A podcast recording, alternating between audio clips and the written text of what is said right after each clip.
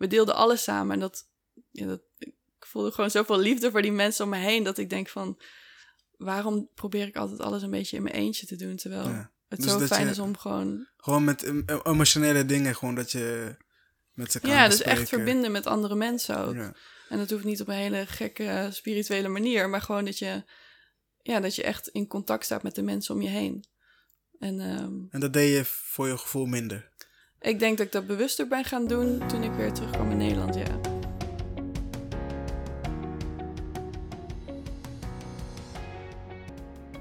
Goedenavond eh, en of middag, eh, dames en heren. Welkom bij een nieuwe podcast van eh Diepgaan. Met Ibrahim, nog steeds de host. Vandaag heb ik een hele bijzondere gast. Een oude vriendin, oude klasgenoot. eh eh, eigenlijk een tijdje niet gezien. Maar blij dat je er weer bent. Eh, Valerie Spanjers, spreek het goed uit? Ja, klopt. Eh, jij bent, ja, ik, ik moet jou introduceren. Dus je bent net zo oud als ik. Je doet fotograferen, video's maken. je woont in Arnhem. Mhm. Heb ik iets vergeten wat ik nog bij moet vertellen? Nee, weet ik niet. Dat zijn wel de praktische dingen die Dat zijn kloppen. de belangrijkste. De rest eh, komen ze vanzelf erachter. Ja. Maar eh dankjewel dat je tijd hebt gemaakt vandaag. eh, om, Ja. Ik vind het heel tof dat ik hier mag zijn. hey, en dat ik jou weer kan zien na zo lang. Ja, precies. Dat, we hebben echt elkaar een tijdje niet gezien. We zaten net even terug te denken, maar we konden niet echt peilen waar, hoe lang dat geleden is. Nee, ik denk vier jaar, wat het echt Heel lang. heel lang voelt. Ja, ja, ja. Maar hoe gaat het? Hoe gaat het met je? Ja, het gaat eigenlijk heel erg goed. Ja? Ik ben de afgelopen tijd wel heel erg druk geweest. Dus ik merk dat ik echt wel eh, weer even mijn rust moet pakken. Ja. Maar het grote plaatje gaat eigenlijk wel heel erg goed. Nou, is eh, die, die corona heeft jou niet eh, onderdrukt qua werk? Dat je... Nee, nee, ik denk dat ik er heel goed vanaf kom. Ehm, de eerste paar maanden van corona was wel dat ik zonder werk zat. Ik doe heel veel dingen voor evenementen ook. Ja. Fotograferen en video's. Nou, dat ging dus allemaal, werd allemaal één voor één gecanceld. ja. Dus toen had ik in één keer geen werk meer. Of in ieder geval voor de aankomende maand. Toen, in maart. Ehm, maar dat vond ik eigenlijk wel heel erg fijn. Want ik had nog heel veel dingen op de plank liggen die ik ook nog wilde doen en editen. Ja. Ehm, dus had ik eindelijk tijd voor. Dus ik was er eigenlijk stiekem wel heel erg blij mee. dat ik eindelijk tijd voor mezelf Ja, had weer. ja. En ik denk dat ik die tijd voor mezelf ook echt wel nodig had. Omdat ik... Ik heb vaak de neiging om overal maar ja tegen te zeggen... en alles te doen wat leuk is, wat op mijn pad komt. Maar af en toe wordt het ook wel echt te veel. Is dat dan niet, eh, hoort, hoort dat niet een beetje bij je? Want eh, je bent, eh, of nou nu niet meer, nu heb je inmiddels heel veel ervaring, maar je was dus een beginnende fotograaf, slash vi- videograaf, toch? Dat Wanneer je, eh, hoe lang werk je nu als fotograaf, als videograaf? Eh, iets meer dan vier jaar. Oké, dat, is- dat is best wel lang. Nu is je Ja. naam best wel bekend. Mensen kunnen je wel vinden nu. Denk ik. Ja, ja, dus ik eh, kan ook wat vaker nee zeggen, wat heel Ja, fijn precies. voelt. Da- dat, dat was mijn vrouw. Dus in het begin eh, hoort het toch bij dat je gewoon heel veel dingen... eh, dat je gewoon ja moet zeggen tegen heel Ja. veel... eh, Ja, in het begin heb ik echt overal ja op gezegd. En eh, ook heel veel dingen ook gratis gedaan, omdat je toch een beetje de, je netwerk moet uitbouwen en ja, ook moet laten zien wat je kunt. ja. Dus ehm, ja, toen, toen zei ik overal wel ja op. En toen wist ik ook nog niet precies wat ik nou precies wilde doen. Ik weet dat ik, of ik wist dat ik fotografie en video heel erg tof vond. Maar wat ik dan precies wilde fotograferen of filmen, wist ik nog niet. Dus ik nam eigenlijk maar alles aan. En ik, eh, ik, ik probeerde gewoon iedere keer er iets heel tofs van te maken. Wanneer, wanneer heb je de keuze gemaakt dat dat eigenlijk je werk eh, zou worden? Want ik weet nog inderdaad eh, op, eh, op middelbare school, toen Hmm. was je wel vaak bezig met, volgens mij tekenen ook, hè? Heb je ook Ja, getekend? hè? ja, klopt. Ja. Ja, ja, ja, dus dat kan ik me herinneren. Je was heel veel bezig met tekenen, beeld en bewerken op computers en zo. Daar was je echt super goed in. ja. Maar ik kan me voorstellen dat toen was het nog een hobby. Toch? Je deed dat omdat je het leuk vond. Ja, klopt. Dat is gewoon wat ik eigenlijk. eh, Wanneer heb jij, wanneer kwam je erachter dat dat zeg maar is wat je wil doen als werk? Ehm, nee, ik heb nooit bewust gekozen, dit is waar ik mijn werk van wil maken. Ik wist wel dat ik het dus altijd heel erg leuk vond om te doen, dus ik deed het gewoon heel erg veel. En ehm, toen heb ik ook een tijdje in Londen stage gelopen bij een videoproductiebedrijf. En daar heb ik toen ook voor een muzikant daar ook foto's gemaakt. En ik dacht, oh, dat vind ik zo vet om te doen, ook voor iemand anders te kunnen doen. Ja. Dat vond ik toen super spannend, want ik had nog nooit echt voor iemand anders in opdracht gewerkt. En toen ik terugkwam in Nederland, toen werd ik ook gevraagd door ehm, via via waren ze bij mij terechtgekomen van... hey, Valerie die maakt foto's, kan je niet voor onze website foto's maken? Ehm, voor een entertainmentbedrijf was dat. En toen heb ik maar ja gezegd. Maar ik had zoiets, ik ben nog nooit betaald om foto's te maken voor iemand. Ja. Dus ik vond het super eng. Ehm, Dat was je allereerste betaalde opdracht. ja, ja. Dus eh, het is zo begon het. En toen is, eh, even kijken, dit was nog, toen was ik nog met mijn studie bezig. Dus toen ben ik uiteindelijk eh, mijn afstudeerstage gaan lopen bij een ehm, reclamebureau in Amsterdam. Als video-editor ook. Ja. En toen later is iemand die, waar ik toen dus die opdracht voor gedaan had, bij een ander entertainmentbedrijf gaan werken. Met DJ-shows. En die is er weer bij mij terechtgekomen en die vroeg van... Ja, we willen eigenlijk eh, wat meer beeld van onze shows hebben. Kan je dat misschien voor ons maken? Oh ja. En ze waren toen eigenlijk een beetje in de beginfase ook. En ik natuurlijk ook met mijn werk. Dus dat was eigenlijk wel... eh, Gewoon gratis feesten en foto's maken. Ja, nou ja, feesten voor mij niet zo. Nee? Ik, eh, ik was meer bezig met hoe, hoe zorg ik dat dat beeld heel vet wordt. Je, kan niet, je krijgt niks meer van de omgeving. Je probeert toch ook een beetje te genieten, denk ik. tijdens- Ja, maar als ik op een gegeven moment op zo'n feest ben, dan ben ik wel echt gefocust op het beeld.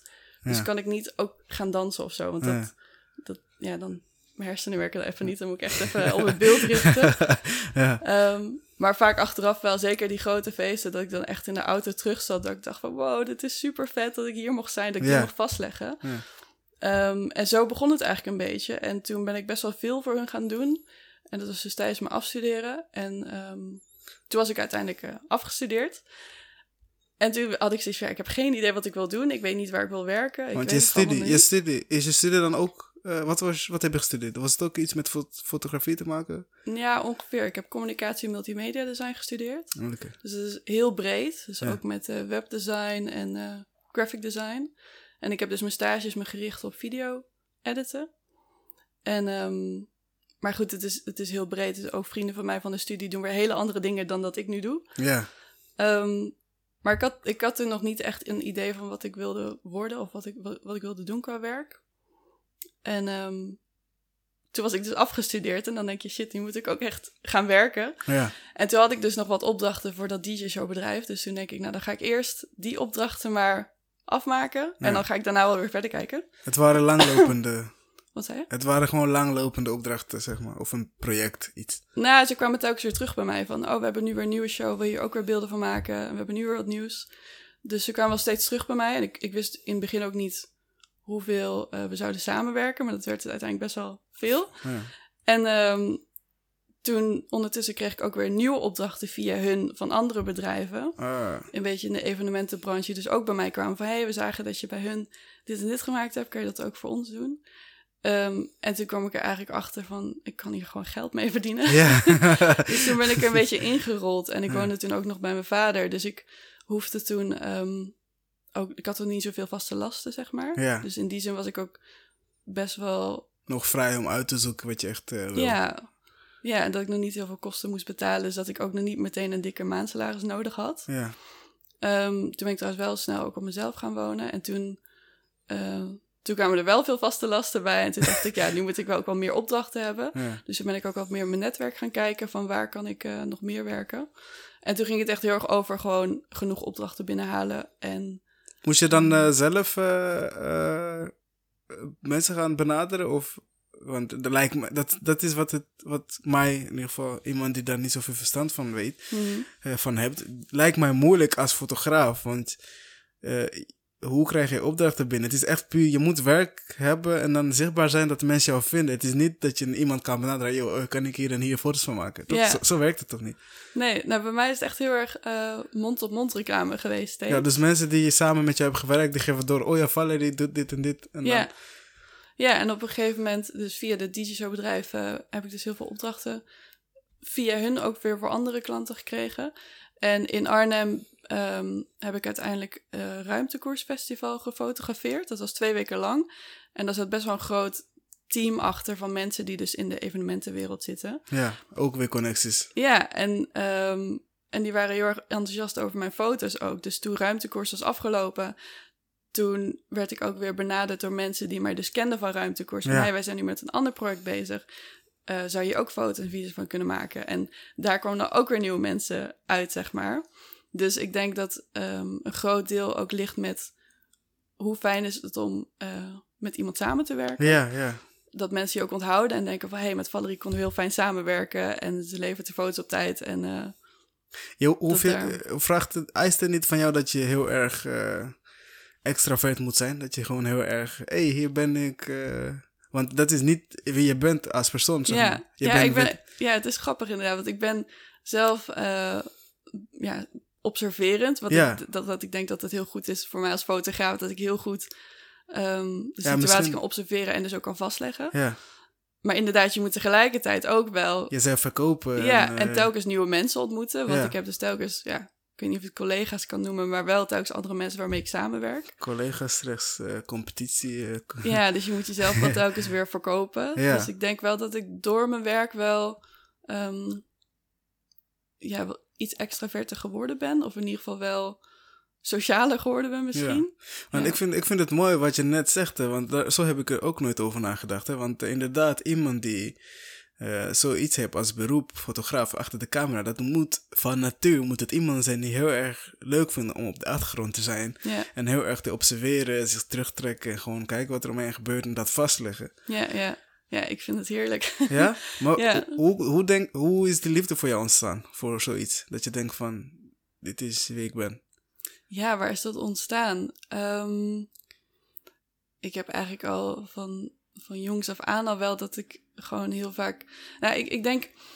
Ik, ik vind kleuren, texturen en licht... Daar kan ik gewoon heel blij van worden. En dat wil ik ook graag vastleggen. En dat deed ik natuurlijk als kind ook door middel van tekeningen maken. Dat Ja. ik dingen die ik zag dan ging natekenen. En op een gegeven moment heb ik de camera van mijn vader ehm, heel vaak geleend. Ja. nou, het was uiteindelijk gewoon een beetje mijn kamer geworden, waarmee ik gewoon ehm, door de natuur ging en gewoon ging vastleggen wat ik zag. Ja. En ook op vakantie heel veel. En ehm, even kijken, uiteindelijk kwam dus de Hives-tijd. Mhm. En toen, eh, dat, nou, dan wil je gewoon ook een leuke profielfoto hebben. En toen heb ik ook heel veel foto's van mijn zusje gemaakt als profielfoto. Eh, ik zit even te denken, waar ga ik naartoe met dit verhaal? Wat was je vraag? ja? Hoe, je, hoe je het liefde is ontstaan om zeg maar achter, Ja, achter ja. de camera te zijn in plaats van daarvoor. Ja, ik denk dat ja, het is een beetje ook de manier hoe ik naar de wereld kijk of zo. Dat, eh, dat ik dat ook graag vast wil leggen. En dat ik ook gewoon dingen zie waar ik dan heel blij van word en dat ik dat dan wil. Vind je, vind je het ongemakkelijk als mensen foto's van jou maken? Of vind je het... eh, Want ik, eh, er zijn mensen die dat niet leuk vinden. Om, eh, die vinden alleen leuk om foto's te maken van anderen, maar van zelf minder. nou vroeger had ik dat wel heel erg. Dat ik Ja? nooit echt op de foto stond zoals ik hoopte dat ik op de foto stond.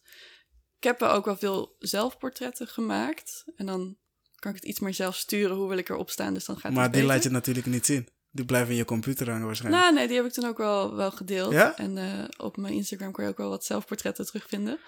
Ehm, maar ik denk dat ik dat nu minder last van heb. Ik denk dat ik nu ook een stuk zelfverzekerder ben dan dat ik vroeger was. Ja. Dus nu voelt het ook als mensen foto's van me maken dat ik ook echt als mezelf erop sta. En vroeger probeerde ik toch nog een beetje De duckface. eh, mooier te zijn dan hoe ik me voelde of zo. De duckface. eh, Ja, ik weet niet of ik de duckface fase gehad heb, maar ik hoop het niet. ja. Nee, ik weet, ik denk, het ook niet. Ik heb het niet maar- gezien in ieder geval. Ja, Maar het is wel, eh, in ieder geval, het is wel een hele mooie karakter die eh, jouw werk waarschijnlijk beter maakt. Dat je gewoon vanzelf zo eh, teruggetrokken introvert. Ik weet niet. Kan je zelf als een introvert eh, noemen nu?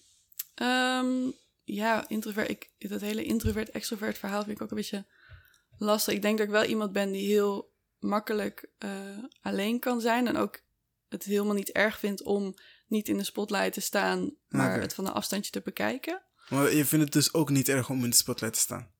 Eh nou, in de spotlight weet ik niet, maar ik vind het ook niet erg om. ehm, ja, hoe zeg je dat? Ik ben ook niet verlegen, zeg maar. Oké.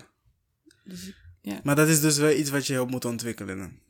ja, dat kan je wel trainen, denk ik. Ja, ik denk, dat- was je dat wel op, eh, in, in, in, de jongere jaren? Op middelbare school bijvoorbeeld? Meer introvert? Nee, meer verlegen als in... Ja, ik, eh, ja, ik was wel wat meer in mezelf gekeerd. Ja, want ik kan, ik kan, wel, ik kan wel... Hoe ik jou heb ervaren is... Je was qua op afstand... eh, als iemand jou niet kent... Dan zou ze denken... Het is een hele verlegen meisje. Die hebben liever niet. Maar als je dichterbij komt... Ik bedoel, als ik met jou aan het praten was... Of we gingen chillen... Dan was je helemaal niet... Ja, Zo verlegen. Maar zo ben ik ook. Ik ben ook iemand van op afstand. Als ik jou niet ken en ik voel jou nog niet, dan hou ik je liever op de afstand. En dan, als, je, als we elkaar beter leren kennen, dan ga ik meer open.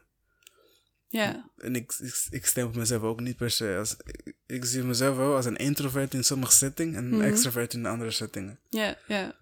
Ja, ik denk, ik ben wel iemand die, heel, die beter is één op één dan in een groep. Ja, ja, ja. of wel. een groep waar, van vrienden. Dan. Ja, maar ook dan ben ik vaak wel iemand die meer aan het luisteren is dan, eh, dan het verhaal leidt, zeg maar. Ja. Ehm, maar ik, ik, ik heb wel het gevoel dat ik meer tot mijn recht kom als ik echt één op één ben met iemand, net zoals nu, dat we een gesprek kunnen hebben. Maar het is ook wel, eh, misschien komen we er nog op, over dat introvert verhaal. Ehm, omdat ik natuurlijk best wel veel ehm, ook zelfstandig werk, thuis in mijn eentje werk en zo met het editen dan. Ehm, had ik ook wel het idee van, oh, volgens mij ben ik best wel introvert, maar vind ik dat ook helemaal niet erg. ja. Ja, sommige mensen vinden dat heerlijk. Ja, maar ik heb dus, wat je ook wel meegekregen hebt, natuurlijk drie maanden in Tenerife gezeten. Ja, ja, ja. En daar zat ik op een surfkamp omringd met twintig mensen. Nou, daar, daar had ik altijd mensen om me heen. ja. En ik dacht van, ga ik, ga ik daar moeite mee hebben? Maar toen kwam ik er eigenlijk achter dat ik gewoon drie maanden lang met twintig mensen om me heen, of dan meer, dat het eigenlijk ook wel heel erg goed ging. Ja. Dus Het ligt ook aan wat voor mensen er om je heen zijn. ja, dat ook en wat Eh, voor setting. Maar Dat, dat is gelijk een hele goede onderwerp. Dat is ook iets wat ik heel graag met jou over zou wou hebben. Want volgens mij is die periode, de drie maanden dat je er bent geweest, heeft het een hele Mhm. grote impact gehad op je leven. Ja, zeker. En dat had ik ook niet verwacht dat het zo'n impact zou hebben Ja, eigenlijk. ja. Maar het is wel echt... eh, Dan kan je mij misschien een beetje vertellen waarom je in eerste instantie daarheen bent gegaan. ja, Wat was zeker. de reden? Ehm, nou, ik ben in 2018 ben ik alleen op vakantie gegaan. Ik wilde eigenlijk gewoon uh, ja, surfvakantie.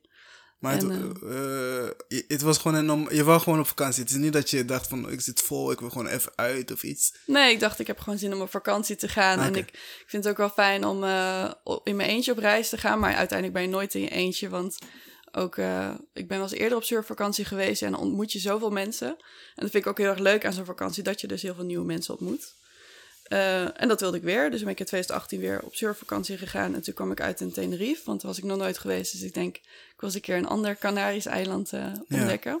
Het was trouwens super mooi. Ik, eh, die foto's die je maakte, die, ik, ben, ik heb bijna een ticket geboekt. hè. Ja, Weet je klopt. nog? Je, je, had, je had me geappt toen ook. Ja, ja, ik was echt bijna. Ik weet niet precies waarom ik het niet heb gedaan, maar ik was er Ja. bijna. Ja, maar, Ja, dat was wel vet geweest Ja. als je ook langs was geweest. Ja. Maar nou, ik ging dus op surfvakantie en ik kwam daar bij Twin Fin Surfkamp. En het is echt zo'n surfkamp in the middle of nowhere. Er zit daar verder helemaal niks. En ehm, ja, ik, ik, ik voelde me gewoon heel erg thuis daar eigenlijk. Ik denk ook dat het komt door, door de mensen die ik daar ontmoette en door... ehm, ja, hoe ga ik dit even uitleggen? het, eh, het surfkamp was ook niet echt een, ehm, een normaal surfkamp waar, waar ik wel eens geweest ben. Dat is Ja. vaak veel commerciëler en Ja. eh, de surfleraar die worden dan ingehuurd. Maar hier, iedereen die werkte voor het kamp, die woonde ook op het kamp. Dus het soort was, een community. eh. ja, dat is dus eigenlijk een soort community. En ik, ik, ik heb daarvoor eigenlijk nog nooit ehm, bezig gehouden met dat er dat soort community plekken überhaupt bestaan. Ja, ja, maar goed, ja. daar kwam ik dus in één keer in terecht. Ja. En ehm, ja, daar heb ik gewoon heel veel bijzondere mensen ontmoet. Ook gewoon heel erg, ja, net wat anders in het leven staan dan gebruikelijk is. En meer hun eigen pad volgen. Ja. En, ehm, en toen ontmoette ik daar ook een eh, videografe, filmmaker, een fotograaf die daar ook voor een paar maanden zat. Ja, en die maakte zoveel vette dingen. En toen was ik wel een beetje jaloers. Ik denk, wow, dat wil ik ook wel maken. Ja, ja. En ehm, toen weet ik dat ik weer terug naar huis ging na die twee weken vakantie. En dat ik gewoon dacht van ja, ik zit niet vast aan een baan. Ik kan ook gewoon even Paar daar maanden. een paar maanden gaan zitten. En dan kan ik daar ook ehm, ja, vette dingen maken, vette video's en foto's. Dat ik merkte wel dat ik dus heel veel voor klanten werk met mijn fotografie en videografie. Maar dat ik soms gewoon niet toekom aan mijn eigen ding doen. Of Wat je echt wil maken, zeg maar. Wat je zelf vast wil leggen. ja, of een beetje experimenteren ook, van Ja. dingen ontdekken. Ja, want dat is de hele bedoeling van als je fotograaf bent, wil je je creativiteit kwijt kunnen. Ja, en dat kan wel tot eh, bepaalde mate voor klanten ook wel. Maar Ja. het is toch anders als, het, als er geen geld bij komt kijken en je echt Ja. volledig kan experimenteren en het ook niet ergens als het dus mislukt. Ja. En ik had er ook gewoon heel veel behoefte aan. En ehm, en ja, het leek me ook wel gewoon gaaf om weer eh, een keer ergens anders te wonen, om een andere setting te ervaren. En toen, hoe meer ik eraan dacht, hoe meer ik eigenlijk enthousiast werd en dacht ik, ja, ik wil gewoon terug gaan, en gewoon daar gaan zitten voor een paar maanden. Ik dacht, dan wil ik begin van, eh, van het nieuwe jaar, want dan heb ik de winter daar. En nou, de winter daar is gewoon net zomer. Ja. Dus ik dacht, dan heb ik dat ook weer mooi meegenomen. En toen kwam ik thuis en toen ben ik eigenlijk gelijk de eigenaar gaan eh, contact opgenomen van... hey, kan ik, eh, kan ik daar ook een paar maanden gaan werken op dat surfkamp?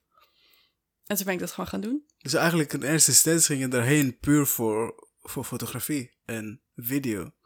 Toen ik maar. daar als ging werken. Toen je terugging, ja. Ja, Het, eh, ja, met de gedachte van ik wil echt een paar maanden gewoon... eh, Focus op mijn eigen Ja. foto's en eh, ja, video's. echt me, mezelfontwikkeling op- Ja. met mijn werk, zeg maar. Ja. Dat ik echt nieuwe dingen ging proberen.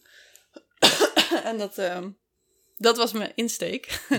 Maar uiteindelijk heb ik er veel meer uitgehaald Ja. dan, ehm, dan alleen maar dat. Ja. Want eh, dus je zegt van tegen die man, ik wil even terugkomen, eh, even Hm. een paar maanden werken. En waarschijnlijk heb je geen gezet, ik wil wat mooie foto's van jou, voor, voor jou als promotiemateriaal voor jou maken, toch? Ja. Ja, want het was, ik was dan de fotograaf op kamp, nog met een andere fotograaf. En ik deed dan vooral voor Instagram Ja. eh, foto's maken. En, ehm, en toen ehm, dan kon ik daar dus gratis verblijven en gratis surfen en gratis eten. Dus een soort van ruildienst. Ah, Oké. Dus ehm, Oh, je verblijf was gratis en je eten ook en alles. ja, ja, als ik dus die foto's, dan eh, kon ik daar alles Ja, gratis dat doen. Dus dat lijkt me een prima chill. deel. Ja, zeker. Was- en ik vond het ook wel heel fijn dat het gewoon even dat, dat ik niet eh, dat het niet om geld ging, maar gewoon puur. Ja. Ja. ja. Ik, heb, eh, ik heb heel veel eh, gekeken op die, op die site. En die, want die eigenaar is best wel jong. Hè? is een hele jonge guy, toch? Ehm, nee, echt de, de, de eigenaar van het kamp, die is, ja, ik denk ergens eind 30 of zo. Ik weet eigenlijk niet hoe oud hij is. Ja. Maar ik denk dat je misschien die eh, manager bedoelde. ja, met zat. blonde haar. lang ja, haar, ja, de manager. Als je, dit- ik, ik, eh, ik ook ehm, je documentaire kwam dit erin, toch? Mhm. En daar gaan we zo meteen over hebben. Eh, Als, als je die mensen ziet praten, dan ze stralen zo'n bepaalde rust uit. Zeg maar. Dat, ze, dat alles wat er gebeurt met een reden gebeurt en dat het niet erg is als het gebeurt. Mhm. Dus ik, ik vind het altijd heel fascinerend om dat soort mensen te kijken en te luisteren. Want het lijkt alsof ze door het leven heen zweven, gewoon, weet je, zonder zorgen. Nou, dat, dat zonder zorg is ook nog niet waar. Maar het is wel dat ze heel erg bewust bezig zijn met hoe wil ik mijn leven indelen en wat wil ik doen. En Ja. dat is niet, niet voor iedereen is dat een 9 tot 5 baan. En, eh, Nee, precies, precies. Daar, daarom, het, daarom lijkt het dus voor ons alsof zij gewoon zonder zorgen door het leven Ja. gaat. Maar dan snap ik dus dat, dat je denkt, ah, ik, wil ook dat, ik wil dat ook ervaren. Ja. Toen, toen ik zeg maar wou komen, was dat de intentie waar ik had van, ik wil ook gewoon, want we leven in, in, ehm, in, in een land, in een maatschappij waar je toch wel een en ander van je wordt verwacht. mhm. Waardoor jij ook veel meer dingen van jezelf gaat verwachten. Ja, En als je soms dingen lopen niet zoals je het had gepland, dan kan je heel vaak in je hoofd gaan zitten. ja, precies. En dan raak je vol. Dan ga je allemaal stapelen met allemaal dingen waar je niks aan kan doen. Mhm. En dan af en toe is het lekker om even eruit te gaan. En gewoon even met mensen te zijn die dat even niet hebben op die manier. Zodat je even weer kan. Ja, en ik merkte ook wel dat dat kamp wel echt een goede plek was voor mensen om dat te ervaren. En heel veel Ja. mensen die gingen daar dus ook heen om te leren surfen. Ja, En die gingen echt bijna als een ander mens weer weg, omdat, het, om- omdat ze inderdaad ervaarden hoe het is om op een andere manier te leven of zo. ja, Ik denk, ehm, als je op dat kamp aankomt, heel vaak schrikken mensen. Want het is echt in the middle of nowhere, er is daar niks. Het is één groot droge boel. ja, Eh, het ziet er ook niet altijd even netjes uit. Dus mensen denken ook, waar ben ik beland? ja, Maar zodra mensen dan, ehm, zeg maar, erachter komen wie er dan daar wonen, ja, eh, of nou ja, werken. Ehm, even kijken, hoe ga ik het uitleggen? Ja, dat, dat het niet per se gaat om een, alle dure mooie spullen. ja, Maar dat als je dus echt die verbinding vindt met andere mensen die daar ook zijn. En verbinding met eh, de natuur en met jezelf inderdaad. Door bijvoorbeeld die yoga die ze daar doen en eh, meditatie en weet ik allemaal wat. Dat je een ander soort rijkdom kan ervaren dan alleen maar mooie spullen waar je misschien op de lange termijn niet per se gel- gelukkiger van wordt. Ja, en, en de rijkdom die jij nu benoemt, beschrijft, dat is iets heel erg vaags voor heel veel mensen. Mhm. Eh, ik, ik, ik heb ook soms met mijn vrienden erover dat je even eh, gewoon proberen uit te leggen hoe het is om een reis naar binnen te nemen, zeg maar. In je Mhm. eigen gedachten, je eigen gevoel. Ja. En hoe dat eigenlijk verrijkend kan zijn als je de tijd voor neemt om dat te leren kennen. Mhm. Maar je kan het niet uitleggen aan iemand die er niet mee bezig is. Dan kijken ze jou aan alsof je stoned bent. Of, Ja, en mensen hebben er vaak al een bepaald beeld bij. Want ik merk ook wel, eh, zeker bij de surfkamp waar ik dan ben, mensen die zien het vaak als een soort van hippiekamp. Ja, Maar ik ja, zie ja. mezelf niet per se als hippie. Ehm, en dan hebben ze gelijk al allemaal aannames erbij. ja, Terwijl als je echt even kijkt wat voor mensen daar nou zitten en waarom ze daar zitten, dat het vaak heel anders is dan dat mensen, dan de aannames die ze erbij Ja. maken. Was je daar eh, mee bezig voordat je daarheen ging? Nee, Of- helemaal niet. Nee? nee, ik, dacht, ik ging er echt. eh, Ik, ja, ik had me helemaal niet in de hele hippie scene of wat op community dingen helemaal verdiept. Dus Ja, ik ging er echt puur heen van. Het is een toffe plek waar ik kan surfen, waar en video's maken. vette video's kan maken, vette foto's. Maar Ja. uiteindelijk was het gewoon heel goed bevallen. En ik vond het ook wel gewoon wel tof om dus een keer heel anders te leven dan, eh, dan dat ik hier eh, in Arnhem doe, zeg maar. Ja, Want ik, ik woonde daar in een tent. Ik had gewoon een tentje waar ik in Ja. sliep. En dat was het. ja, Dus ik, ik lag echt eh, op de grond. ehm, er waren bijvoorbeeld echt zandstormen, dat, dat je bed weer helemaal onder het zand zit. Nou, dingen die je je helemaal niet kan voorstellen dat dat gebeurt. ja, ja. Ehm, en dat heeft me ook wel even terug back to basic gebracht, zeg maar. Dat je ook weer echt even anders naar dingen kijkt en wat je nou echt nodig hebt. Heb jij een moment gehad dat je echt een intense ervaring had van oké, hier moet ik echt zijn, ik heb dit nodig? Mm, Kan je zo'n moment bedenken? Misschien tijdens een meditatie of tijdens een surfen dat je denkt oké, wow, ik wist niet dat ik dit nodig had. Ehm, niet, er is niet een specifiek moment wat niet te binnen schiet. Maar ik denk wel vooral hoe belangrijk de mensen om je heen zijn. Ik heb vaak wel de neiging om heel veel dingen zelf te willen doen. Ja, Ook in mijn werk natuurlijk. ja, ja. Maar hoe fijn het is als je gewoon fijne mensen om je heen hebt... waar je gewoon echt eh, diepgaande gesprekken mee kan voeren... en waar je met je problemen mee terecht kan. En gewoon dingen mee kan delen. Want daar op dat kamp met dat eh, vrijwilligersteam... waren denk ik twaalf mensen of zo. We deelden alles samen en dat, ja, dat... Ik voelde gewoon zoveel liefde voor die mensen om me heen... dat ik denk van... waarom probeer ik altijd alles een beetje in mijn eentje te doen... terwijl Ja. het Dus zo fijn je- is om gewoon... Gewoon met em- em- emotionele dingen, gewoon dat je met ze kan Ja, dus echt verbinden met andere mensen ook. Ja. En dat hoeft niet op een hele gekke spirituele manier, maar gewoon dat je, ja, dat je echt in contact staat met de mensen om je heen. En ehm, En dat deed je voor je gevoel minder. ik denk dat ik dat bewuster ben gaan doen toen ik weer terugkwam in Nederland, ja. Ah, dat, is, wel- dat is wel iets moois. natuurlijk. Ja, zeker. Ja, dat is ook, eh, daar hadden we net ook toevallig over. Ook een van de redenen dat ik eigenlijk zo'n podcast ben begonnen is. Ik ben ook iemand die, als ik alleen maar van die eh, simpele gesprekken en eh, gewoon over ditjes en datjes gaat hebben voor Mhm. een hele lange periode, dan voel ik me op een gegeven moment heel erg leeg. Dan sloopt het gewoon mentaal. Ik weet niet waarom. Maar ehm, hoe meer kwalitatieve gesprekken je hebt met je vrienden, het hoeft niet altijd super diep te gaan, maar gewoon dat het ergens over gaat. Hoe meer waarde je hecht aan de vriendschap en de relatie die je met die persoon hebt. En die podcast is voor mij een perfecte manier om dat ehm, te realiseren, zeg maar, op een consistent basis.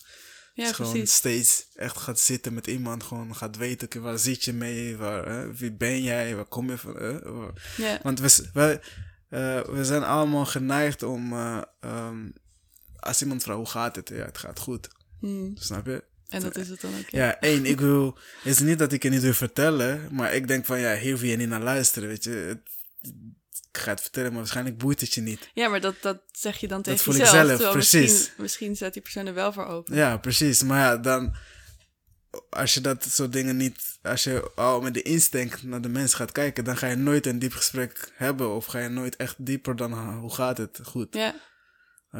En dat is iets wat ik vind dat iedereen heeft dat nodig. ja, zeker. En ik denk dat het ook heel... eh, dat, dat je inderdaad heel veel dingen van de ander ontdekt. Maar ik denk ook als je dus eh, een soort van diepgaand gesprek hebt met iemand, ontdek je ook weer heel veel over jezelf. Over jezelf, ja, ja, ja zeker, zeker. En je, je komt, je, je- wat je zegt, je komt jezelf heel erg tegen in die Mhm. gesprekken met de mensen om je heen. Ja. Ja, Ja, je krijgt is, misschien weer een nieuwe kijk op dingen. En ik denk ook als je het gevoel hebt van ik mag dit uitspreken of ik mag mijn gevoel delen. En eh, ook dat gevoel van ik mag er zijn. ja. Dat het ook heel erg goed kan doen voor mensen. Ja, dat het gewoon, dat je ook op een gegeven moment het gevoel krijgt van het is ook niet erg als het een keer niet gaat, weet je. Ja, precies. Je hoeft niet alleen maar te doen. Het is leuk. Het gaat Ja. Ik, ik vind het soms ook wel heel erg verfrissend als, als ik aan mensen vraag hoe gaat het. En ze zeggen van ja, het gaat nu eigenlijk niet zo goed. ja. Dat ik denk van, hè, kijk, we kunnen het wel gewoon Ja, uit. Dat ja, we niet altijd maar een soort van leuk masker voor te houden. Ja, het gaat hartstikke goed hoor. Dat we het ook gewoon kunnen hebben over als het een keer niet goed gaat. dat zou mooi en dat zijn. het ook niet per se erg is, maar dat we gewoon wel erover kunnen Ja, hebben. en ik denk ook, eh, ik, heb, ik, heb hier, ik heb hier heel vaak over nagedacht eh, de laatste tijd. Eh, als je zegt, het gaat niet goed, het is niet erg, maar het betekent ook niet dat ik van je vraag, om een oplossing vraag gewoon. Nee, ik wil gewoon dat je gewoon luistert, het gaat niet goed, Ja. je hoeft me niet te helpen, dat is niet nodig, maar Ja, maar mensen worden ons- soms een beetje ongemakkelijk van. Ja, dan denken ze gelijk van, oh, moet ik iets doen? Moet ik... ja, ja, En ja. dan weten ze niet, terwijl het is niet erg als het een keer Nee, ik vraag je niet om hulp. Ja. Je vraagt hoe het gaat. Ik vertel gewoon hoe het gaat. Ja. Meer niet. Ja, dat is... eh, als je vrienden hebt waar je met zulke relaties kan opbouwen... Mhm. Dat zijn hele erg waardevolle relaties. Ja, Denk zeker. heb je dat een beetje? Ja, ik, heb, eh, ik ben wel echt heel erg dankbaar voor de mensen om me heen eigenlijk. Ja? Ik heb ook, eh, wat ik net ook aan jou vertelde, dat ik eh, de laatste tijd eigenlijk best wel veel diepgaande gesprekken heb met, met vrienden. En waarom we dat in één keer nu hebben, geen idee. Maar ik, Ja. ik merk wel echt dat ik dan, als ik dan naar huis ga, dat ik dan denk van, oh, ik, ben zo dankbaar voor al die mensen om me heen ja, waar ik al deze gesprekken mee kan voeren. En ik heb wel het gevoel dat ik ja, best wel veel mensen om me heen heb waarmee ik echt wel dieper kan gaan dan alleen maar, hey, hoe is het, wat doe je voor werk? En, Ja, eh, dat is heel dus- fijn. En ik denk ook... eh, misschien komt het ook met de leeftijd. Op een gegeven moment... Ja, eh, misschien ook wel, ja. Op een gegeven moment ben je, ja, ik wil niet zeggen oud, maar ben je verder in je leven en dan werk je zo lang. Dan wil je gewoon, als je een keer met je vrienden bent, dan wil je niet dat het energie gaat zuigen van je. Je wil gewoon Ja. dat het iets toevoegt. Anders kan je liever net zo goed op de bank gaan zitten met je Netflix. eh. Ja, ja, je kiest misschien bewuster waar je energie Ja. in stopt en eh, ja. waar niet. Dat is iets wat je waarschijnlijk wat je leert gewoon met de tijd. Ja. ja, en ook wel moet ontwikkelen, denk ik. Het komt niet altijd eh vanzelfs. Maar dat is mooi, want dit, dit heb je dus eigenlijk eh, beseft op dat kamp. Met die... Ja, ben ik wel echt veel bewuster mee bezig gegaan, ja. En ook van hoe wil ik zelf mijn leven indelen en waar wil ik wel en niet mijn tijd in, eh, in stoppen. Kan, je- als je, eh, kan jij mij iets vertellen wat je van de grootste les of lessen wat je daaruit hebt gehaald in de periode van drie maanden? Voor jezelf. Ehm, ja, eigenlijk ook wel een beetje waar we het net over gehad hebben. Dat, eh, dat het niet. Dat je je niet constant goed hoeft te voelen. Dat het leven heeft gewoon een beetje ups en downs. Dat mag er zijn. Ja. Mm.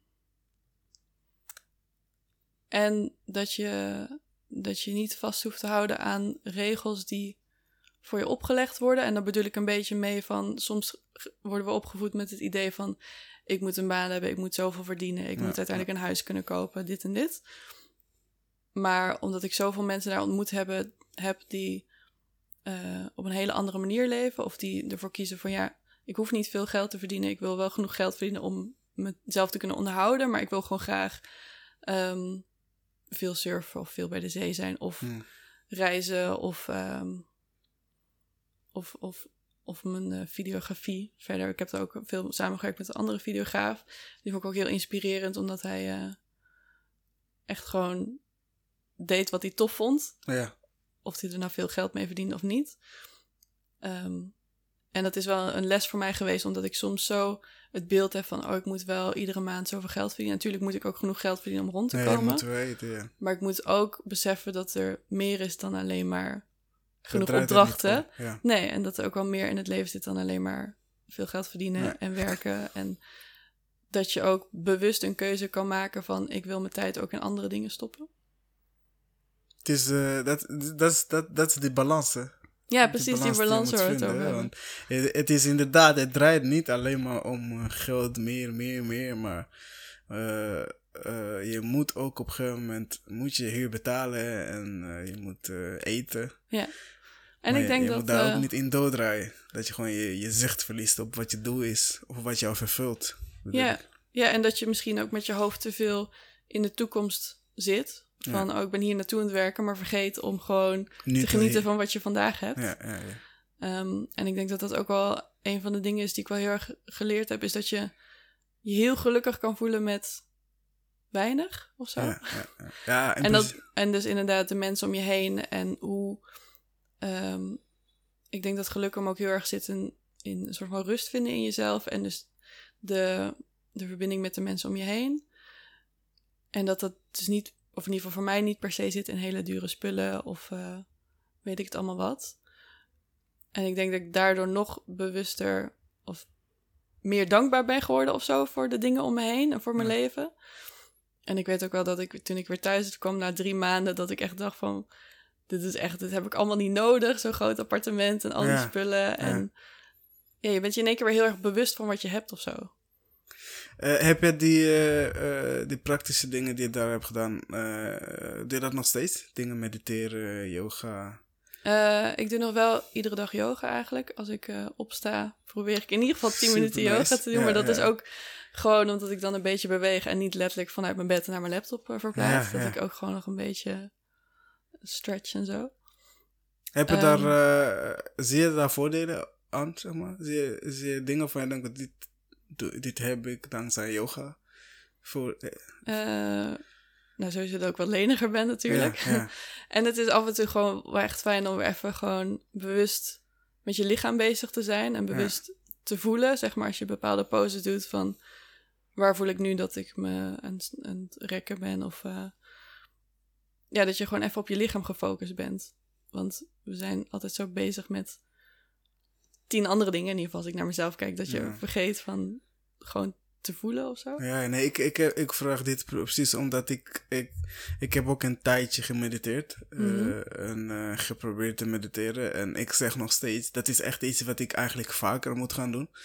Dat zeg ik al een tijdje. En Ik waarom weet- wil je het vaker doen? Waarom zeg je dat? Omdat ik, ge- ik geloof en ik weet dat de rust die je in je hoofd kan hebben, als je dat, eh, ehm, zeg maar, wat je zegt, dat je, je zit met 10.000 dingen tegelijkertijd te, te, Ja, te jongleren in je hoofd. Dat je dat gewoon, als je dat gewoon kan kalmeren op een gegeven moment en gewoon bewust, dan kan jij gericht, gefocust op een bepaalde dingen werken. ja, Tegelijkertijd, weet je, want je ben, ik ben aan het werk en ik zit te denken, oh, ik moet straks dit doen, ik moet straks dat doen. Oh, diegene heeft mij, oh, die heeft geappt. Oh, Facebook. je? We hebben zoveel prikkels tegenwoordig, dat wij nooit de tijd hebben om even te zijn, gewoon. Ja, En ik denk dat de meditatie daar een van, een van de belangrijkste tools is om dat te bereiken. ja, iets meer die rust. Ik denk ook, ik vind een van de voordelen die ik zelf uit eh, meditatie. Ik moet zeggen, ik heb de laatste tijd niet heel veel meer gemediteerd. Ik probeer het af en toe wel eh, Ja, om die rust te vinden. Of om inderdaad mijn focus ergens op te leggen.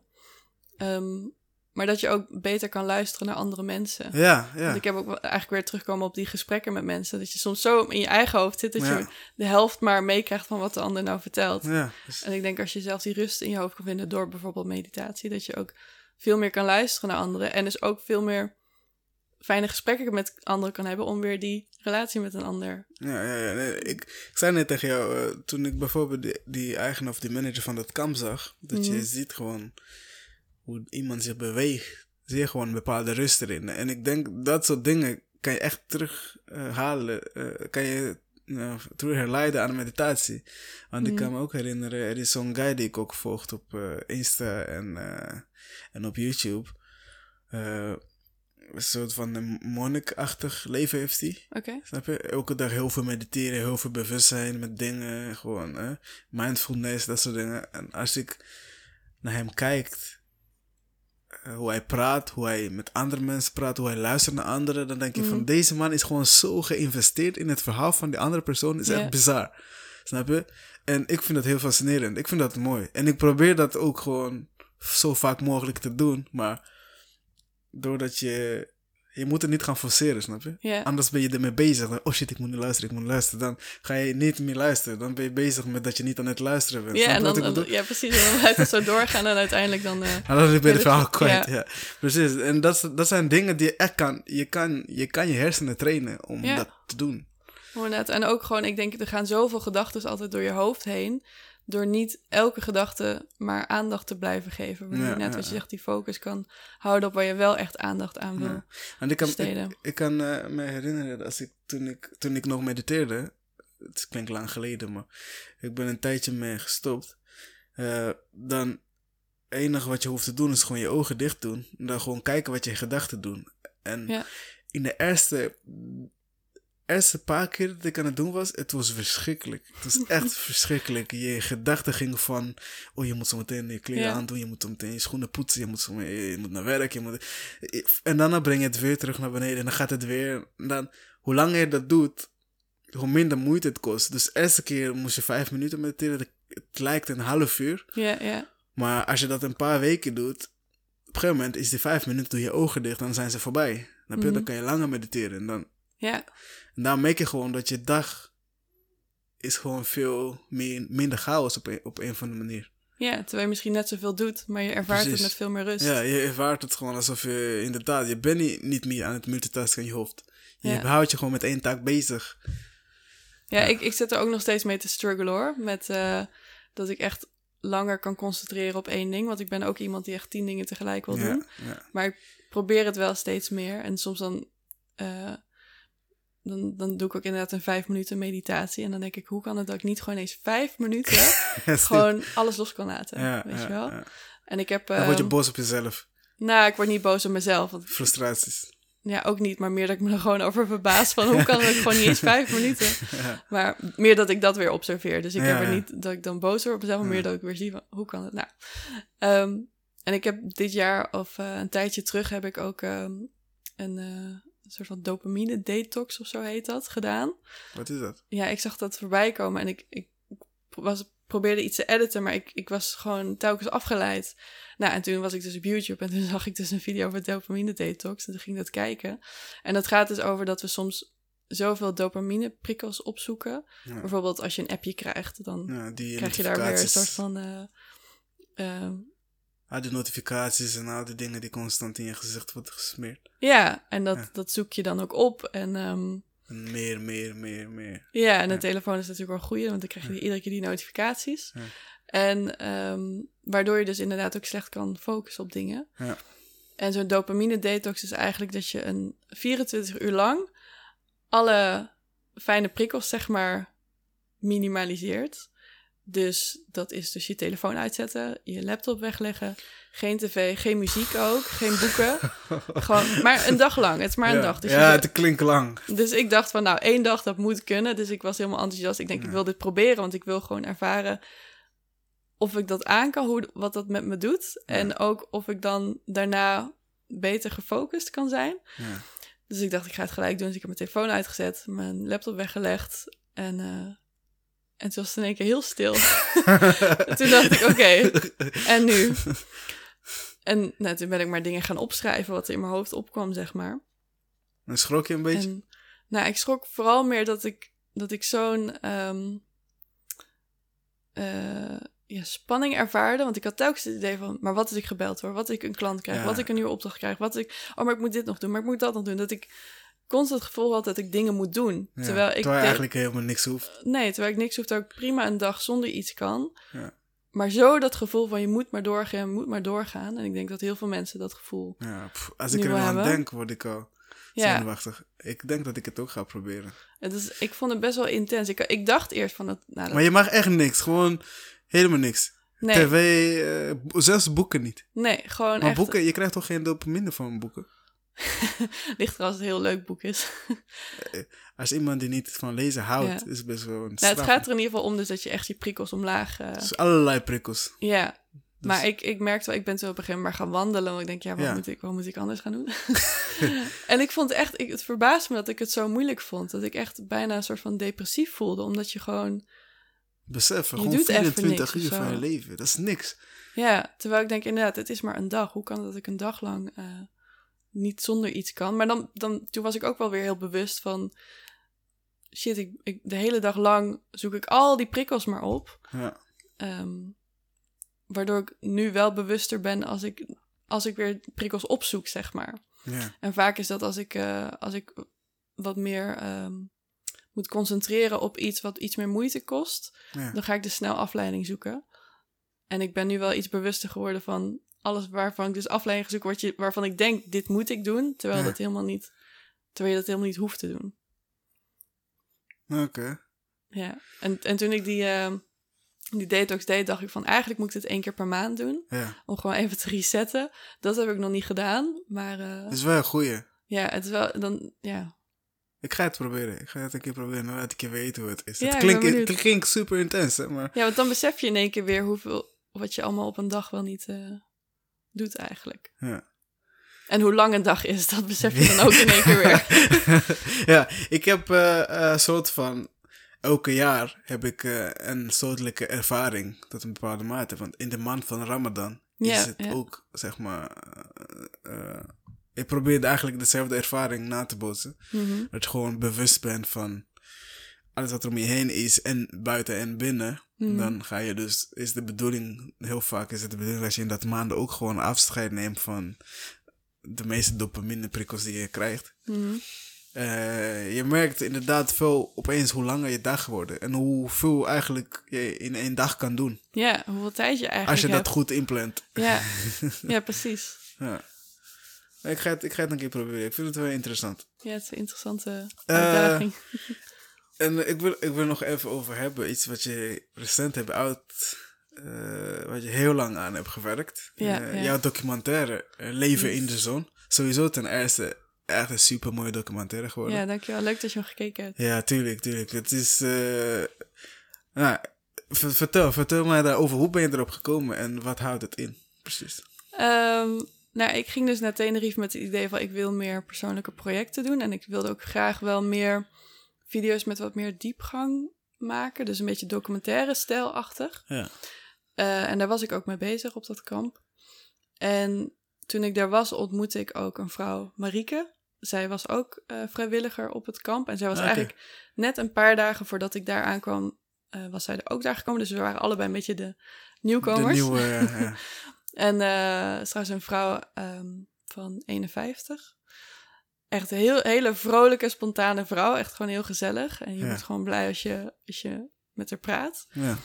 Eh, en toen vertelde ze, of hoorde ik weer via via, dat ze dus eh, kanker had. En daar schrok ik natuurlijk van, want als je Ja, haar zo ik- ziet... Je kent haar een tijdje eigenlijk al. Nou, ik denk dat ik dat binnen de eerste paar dagen dat ik daar was, dat ik dat wel te horen kreeg. Maar, Maar je had daar je had haar al gesproken en kennis met Ja. haar gemaakt. Maar je ja, en dan er verwacht je dat niet. Nee. Ehm, dus ja, dat was wel heel bijzonder. En toen heb ik ook wat meer eh, met haar gepraat over van waarom ze dan op dat kamp zit en eh, hoe het verder met haar gaat. En eh, het is eigenlijk, ze, ze had een paar jaar daarvoor te horen gekregen dat ze dus kanker had. En toen ze erachter kwam, was het dus al helemaal uitgezaaid. En zo erg dat ze zeiden, ja, we, denken dat je maar vijf weken te leven hebt nog. Ja, vijf Ja. weken. Ja, dus dan van de een of andere dag is je leven in één keer anders. Ja. En ehm, toen heeft ze heel veel chemokuren gehad. En daardoor is ze wel eh, langer kunnen leven. In ieder geval langer dan die vijf weken. Oké, dus eh, die, Ja. toen ze daar kwam was het na die vijf weken. Ja, ja, ja. Ze Oké. heeft daarvoor dus heel veel chemokuren gehad. Dus dat was echt de eerste diagnose die, die ze kreeg. Van ja, we verwachten dat je nog maar vijf weken kan leven. Maar met die chemo hebben ze dat dus wat kunnen verlengen. Maar ehm, Hebben ze ook gezegd hoe lang ze het... Ja, wisten ze niet. Want ze had, ze had slokdarmkanker en daar is eigenlijk geen medicijn voor. Dus ze had toen ehm, chemo gekregen voor darmkanker. En dat heeft toen aangeslagen. Alleen uiteindelijk werd ze resistent voor die chemo. Dus dan heeft het geen effect meer op je lichaam. Ja. Ja, en toen hadden ze zoiets van, ja, er- er is verder niks wat we kunnen doen. En toen heeft ze zich heel erg verdiept in alle andere mogelijke manieren waarop ze toch haar immuunsysteem zo eh, sterk mogelijk kan houden. En toen is ze ook heel erg gaan verdiepen in eh, ook mindfulness technieken om ehm, ook gewoon rustig te blijven of in ieder geval met die angst te kunnen leven. Ja. En toen is ze ook weer gaan reizen, want ze wilde ook gewoon graag nog reizen. En toen kwam ze uiteindelijk ook bij het surfkamp terecht. En eigenlijk een beetje hetzelfde als mij. Ja. Dacht ze van, ja, hier wil ik ook gewoon gaan zitten.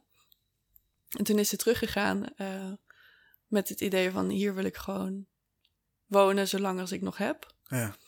Eh, en ze was ook echt wel gelukkig daar. Het was wel echt haar plek. Ze wilde graag ook in een soort van community wonen. En in Nederland eh, ja, gaat iedereen toch door met zijn leven. Ja. En zij kan niks meer. Ze kon niet meer werken. En ze moest ook weer oppassen met als mensen verkouden waren, omdat haar immuunsysteem zo laag was. Ja. Dan eh, probeert ze dat ook een beetje uit de weg te gaan. Dus ze was, ze was denk ik ook best wel eenzaam in die zin, omdat je dan toch thuis zit. En zeker Ja. het was winter, dus je kan ook niet echt naar buiten. Ja.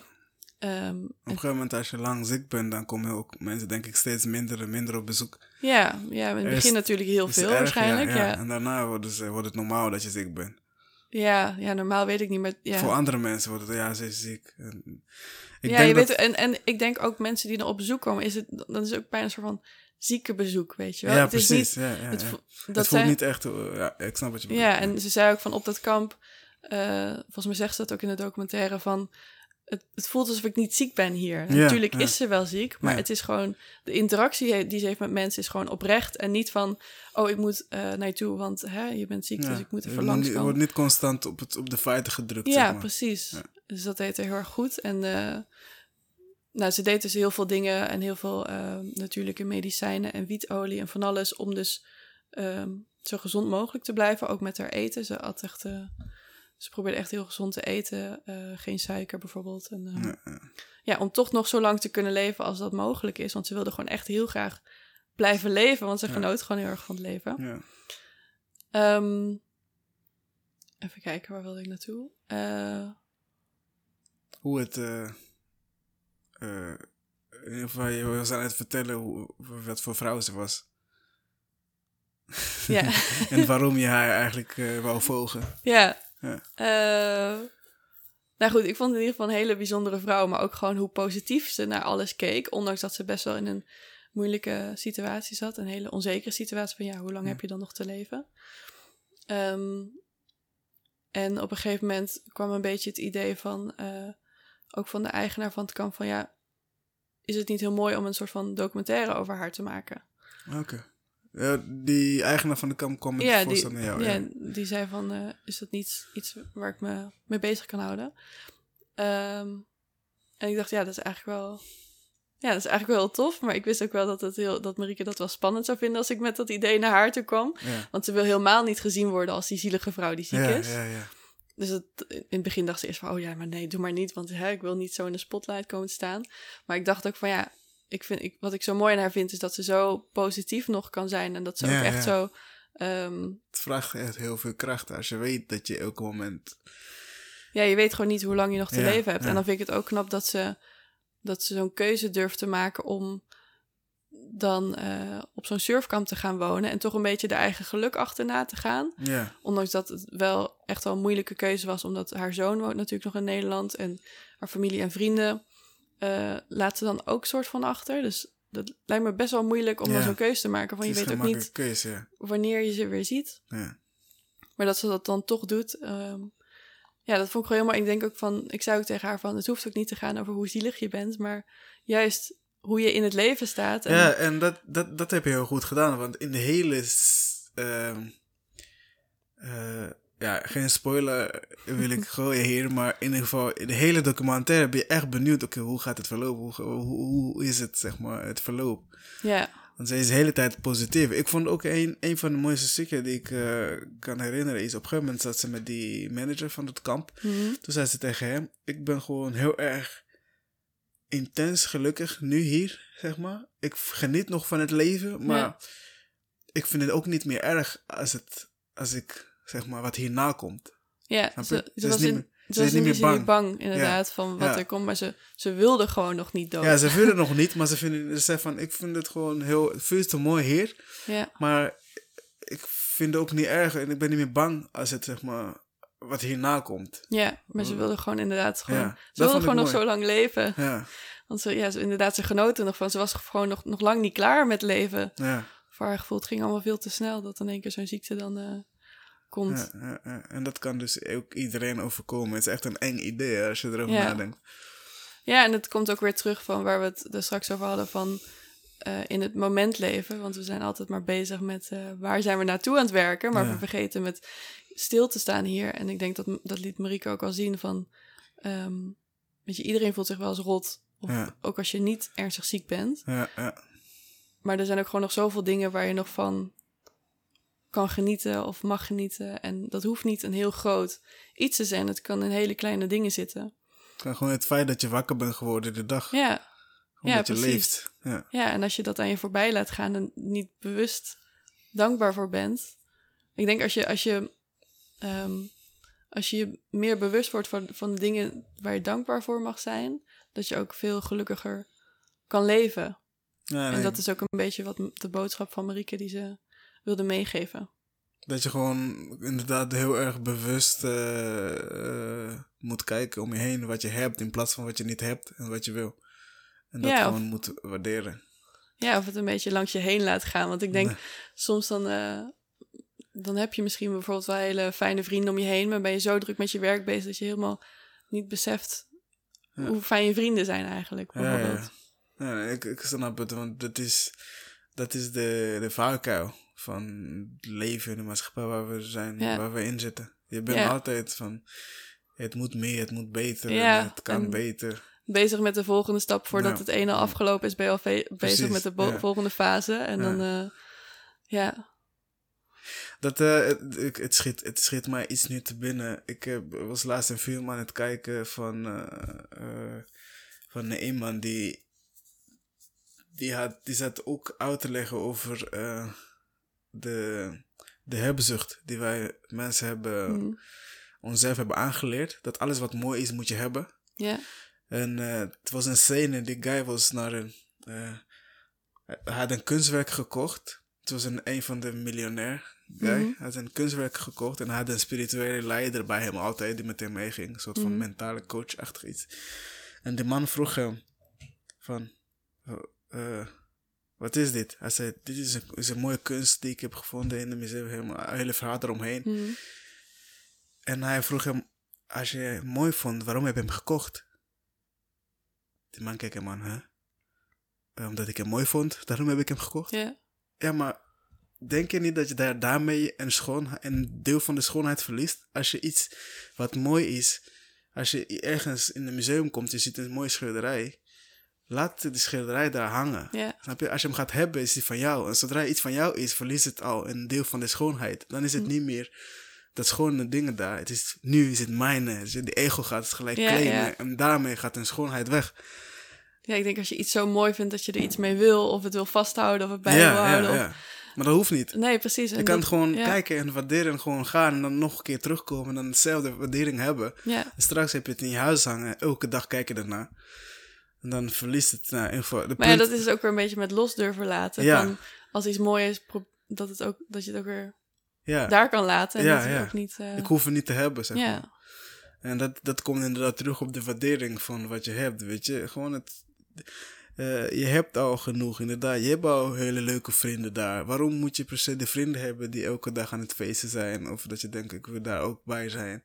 ja, Ja. of... eh, weet, je, best- weet je dat verhaal van ik ben pas gelukkig als... Ja, ja, ja. ja. Ja, en ik, want- en ik denk soms dan beseffen we pas eh, waar we dankbaar voor kunnen zijn als je heel dus ernstig ziek wordt, bijvoorbeeld. ja.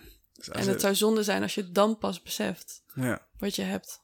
ja. En dat is iets wat eh, iedereen die daar een keer komt, die zegt dat tegen mensen. Waar een keer kom bedoel iedereen die, die zo- zo'n eh, intense ervaring meemaakt, bijvoorbeeld zo'n Marieke die dan ziek Ja. is, de boodschap is altijd consistent geweest. Ja, ja. Iedereen zegt, waardeer wat je hebt. Eh, Het wordt, zeg maar, kan beter worden, maar het kan ook slechter worden.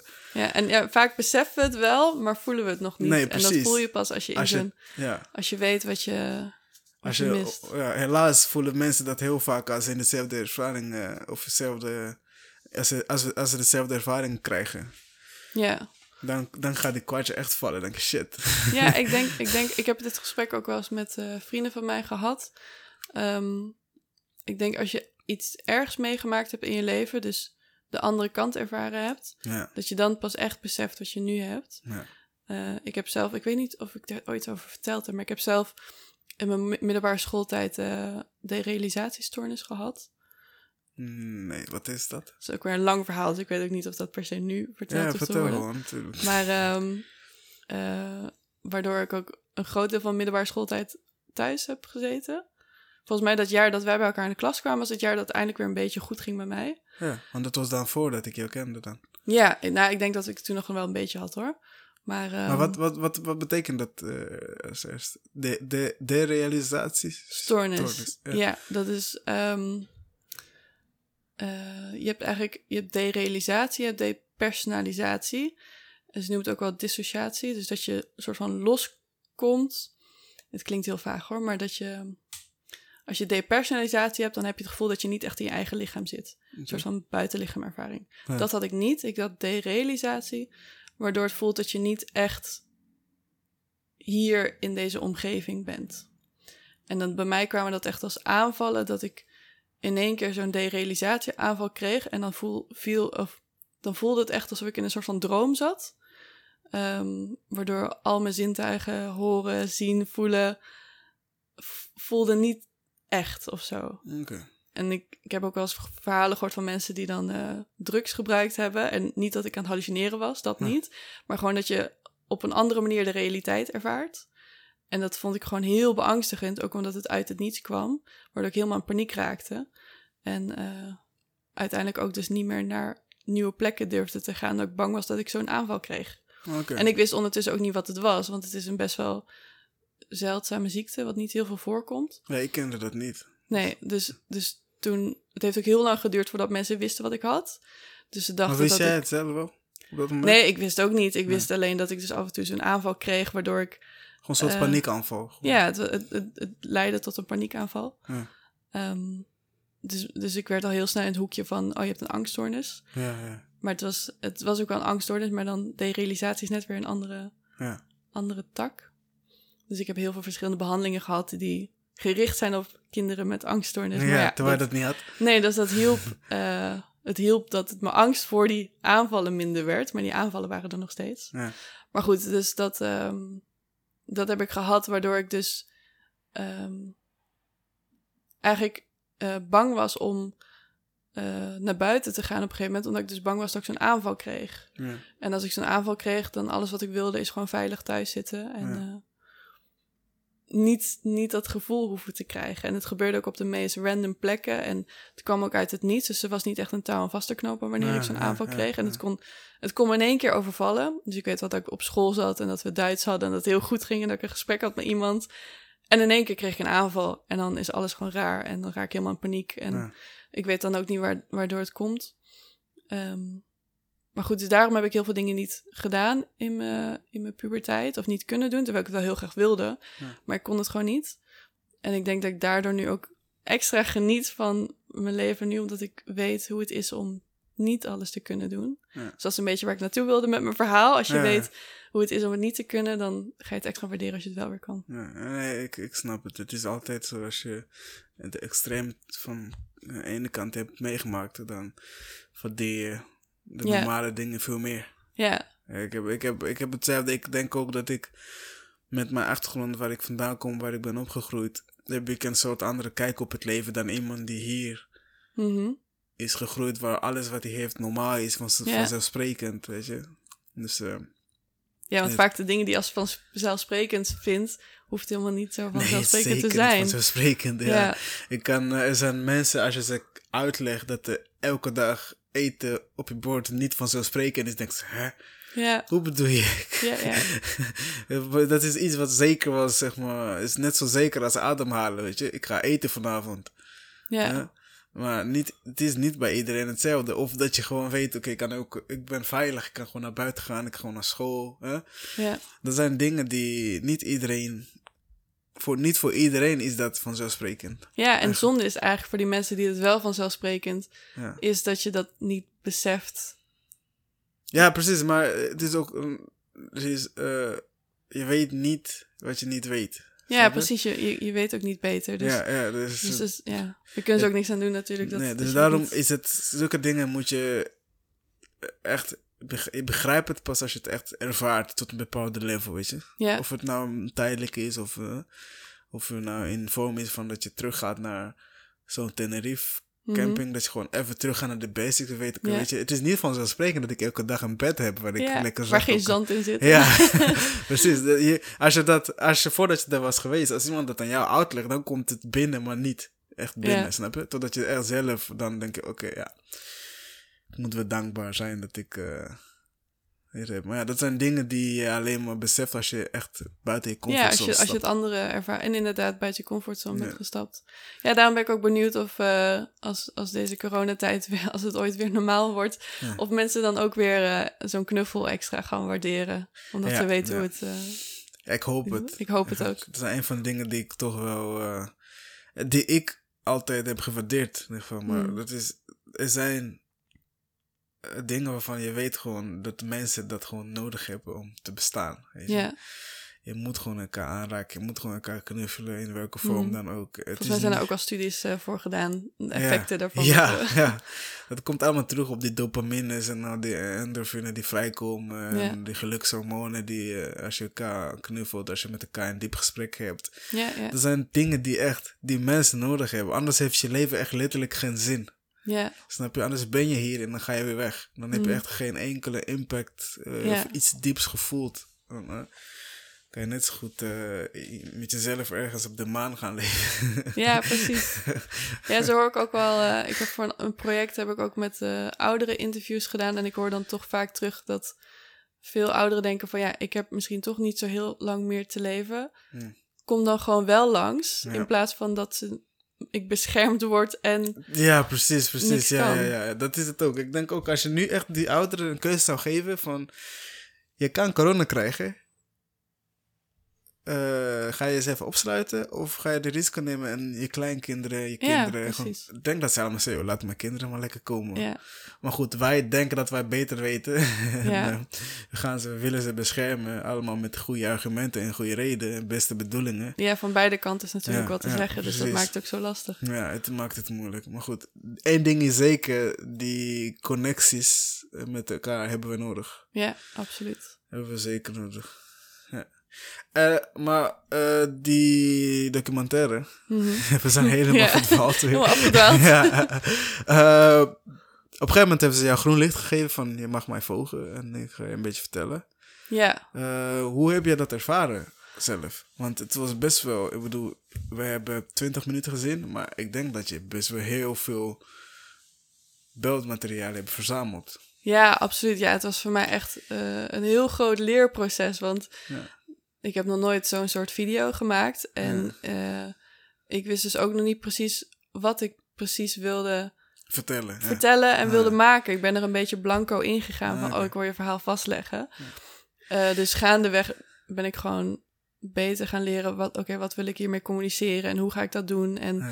Ehm, in die zin vond ik het ook wel spannend om nu mijn documentaire te delen, omdat ik het nu waarschijnlijk heel anders aangepakt zou hebben. Ja, ja. En ook heel veel dingen zie wat eh, beter had gekund.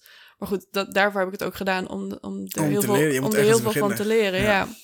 En ehm, Even, uh, even een persoonlijke vraag. Ik ben altijd nieuwsgierig, hè, want ik kijk ook documentaires wel eens. En ik ben altijd benieuwd, want in die documentaire zie je alleen maar Marike aan het praten. Stel je haar vragen? Of ja, ja, ik heb dat Dus- zeker voorbereid. Dus je knipt eigenlijk al jouw stukjes waar jij praat, knip je uit. Ja, nou, ik heb er heel veel in geknipt in het verhaal. Want ik heb er, ehm, om in ieder geval zo'n verhaallijn erin te maken. Ja. Ehm, want ik, ik heb, eh, ik heb denk iets meer dan een uur hebben we dus eh, heb ik een, een interview met haar gedaan, waarbij ik ook wel wist van deze topics wil ik behandelen. Oh, Oké, het was een uur, Ja, de, de interview. de, het interview, ja. Oké, Of in ieder geval dat eerste interview in Tenerife. ja. Ehm, en, eh, en toen heb ik dus ook nog ongeveer een uur met Lutze en Marieke dat interview gedaan. Oh, Oké, En toen ben ik eigenlijk bij het editen pas meer gaan kijken, hoe wil ik dit verhaal vertellen? oké. En dat heeft vooral veel tijd gekost. Van hoe wil ik, ja, hoe begin ik, zeg maar. Ja. En ik heb toen ook een eerste versie gemaakt die ik ook aan Marika heb laten zien. Eh, en die is heel anders dan deze versie. ik heb het verhaal uiteindelijk weer helemaal omgegooid. Ja. Ehm, en eh, even kijken, die eerste versie heb ik toen ook gedeeld met eh, wat eh, aantal mensen uit het vak die ik ken, filmmakers en documentairemakers. Omdat op een gegeven moment zag ik door de boom het bos ook niet meer. Ja, ja, ja. en ik had zoiets van, hoe ervaart iemand anders deze video? Een feedback, zeg maar. Ja, precies. Ook die niet Marieke kent. En, nou, en daar heb ik heel veel waardevolle feedback uitge, uitgekregen, waardoor ik zelf ook weer een duidelijkere of een betere kijk kreeg op, oké, hoe komt dit over? Wat voor informatie missen mensen of wat voor informatie hebben mensen nodig? En met die feedback ben ik weer het hele verhaal gaan aanpassen. Ja, ja. Ben je nu wel tevreden met het resultaat? Ik denk dat ik eruit gehaald heb wat er uit te halen valt. Ehm, en ik heb ook, ook van ehm, eh, een regisseur ook hele fijne feedback gekregen. En van, ehm, Regisseur? Ja, want eh Lutze die heeft wat connecties in de filmwereld. Ja. dus daar heb ik wat eh, mensen benaderd ook. En dat, dat vond ik ook wel heel spannend. Om... Maar, maar niet de regisseur van de documentaire, toch? Want dit heb je allemaal zelf ja, gedaan. ja, ik heb het allemaal zelf gedaan. Ja, Dat zou ik ja. ook niet, niet meer doen. Ik zou, nu, ik zou nu echt een soort van team bij elkaar verzamelen. Want het. Is ja, er, er is maar zoveel wat je zelf kan doen, denk ik. Ja. Ehm, maar goed, dus dat mensen benaderen voor feedback, dat, dat vond ik ook natuurlijk heel spannend. Omdat ja, er wordt wel kritisch gekeken naar je Ja, werk. ja, maar ik heb echt heel veel, heel veel waardevolle dingen uitgehaald. Waardoor ik denk, oké, als ik nu weer een nieuwe documentaire-achtige film ga maken... dan weet ik zeker dat dat nog veel beter wordt. Omdat ik zoveel eruit Ja, geleerd je heb, hebt zeg nu maar. natuurlijk, ja, je hebt nu enige ervaring. Dus. Ja, Ga je dat eh, wel eh, doen? Smaakt het naar meer zulke documentaires? nou, het is wel echt heel veel werk. ja, ja. En je moet denk- natuurlijk wel de verhaal vinden die jou weer ja, motiveert om dat te doen. Ja, ik denk als er iets op mijn pad komt, dat ik zeker wel ervoor open sta om weer. eh, Zoiets te doen. ja. Ja. ja. Maar dan dus inderdaad ook eh, met een team. Wat, eh, Niet alleen. Nee. dat is toch best wel vermoeiend om in je eentje. En ik merk ook wel, ik heb ook die, die sparmomenten nodig. Dat je met iemand anders ja. erover kan sparren. Ik, ik blijf het een fascinerende wereld vinden, zo'n eh, videograaf, fotografie. Het is iets wat ik me ook een keer... Het lijkt me wel leuk om een keer mezelf in te verdiepen. Is Wat, wat lijkt je dan? Wat, wat bedoel je dan? Wat lijkt je leuk? gewoon beeld. Gewoon de... Als ik... eh, eh, soms kijk je... ik vind zelf films super fascinerend. Gewoon hoe je een verhaal kan Mhm. vertellen door middel van bewegende beelden. En hoe je dat Ja. door... Eigenlijk, je kan... Wat ik fascinerend vind, is je kan met dezelfde beelden... kan je gewoon 10.000 verschillende verhalen vertellen. Mhm. Alleen door dit naar voren te zetten, dit naar achter Ja. schuiven, eh, kan je gewoon een hele andere verhalen vertellen. En het lijkt me een keer leuk om gewoon jezelf daarin te verdiepen.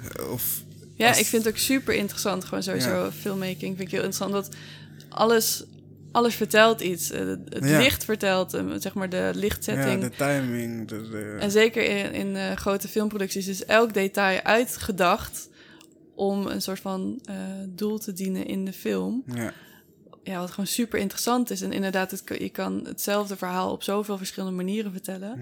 Ja. Wat het heel complex maakt, maar juist ook weer heel interessant. Ja, dus dat lijkt me wel leuk om een keer. eh, eh, en ook fo- fotografie vind ik ook super interessant. Het lijkt me. is- het lijkt makkelijk gewoon. Je pakt een foto, je, je klikt. Mm. Maar er komt zoveel meer bij kijken. Ja, zeker.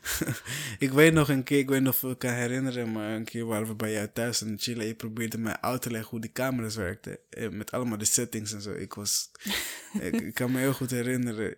Ik, ik was het heel snel kwijt. Ik en dat zijn dan nog de basics. Ja, dat zijn allemaal de basics. eh, ja. Ja. ja, ik ben nu zelf vooral heel erg bezig ook met het eh, psychologische plaatje eromheen, zeg maar. Zeker van hoe stel je mensen op hun gemak en hoe zorgen dat iemand ja, zichzelf kan zijn voor de camera en eh, zichzelf durft te zijn en dat je dan bepaalde uitstraling krijgt. dat en- maakt echt heel veel uit. Ja, ik le- dus me denken aan, en ik heb ooit een fotoshoot gedaan met een eh, fotograaf uit Ede. volgens mij weet ik wel welke foto's dit zijn. Ja, ja, precies die foto. En die man, het is zo bizar, gewoon, hoe, als je ontvangt al voel je je al thuis, gewoon gelijk. Hè? Mhm. Gewoon die, die, die setting, de vibe, hoe hij het, ja. Niet iedereen kan dat op die manier. Sommige mensen komen heel, like, heel gespannen en dan... Hij laat je lachen tijdens en dan komt de hele natuurlijke lach uit, weet je. Hij zegt niet Mhm. lach, nee. Hij gaat je echt gewoon, uh, hij vertegel, hij neemt mee in een verhaal, zeg maar.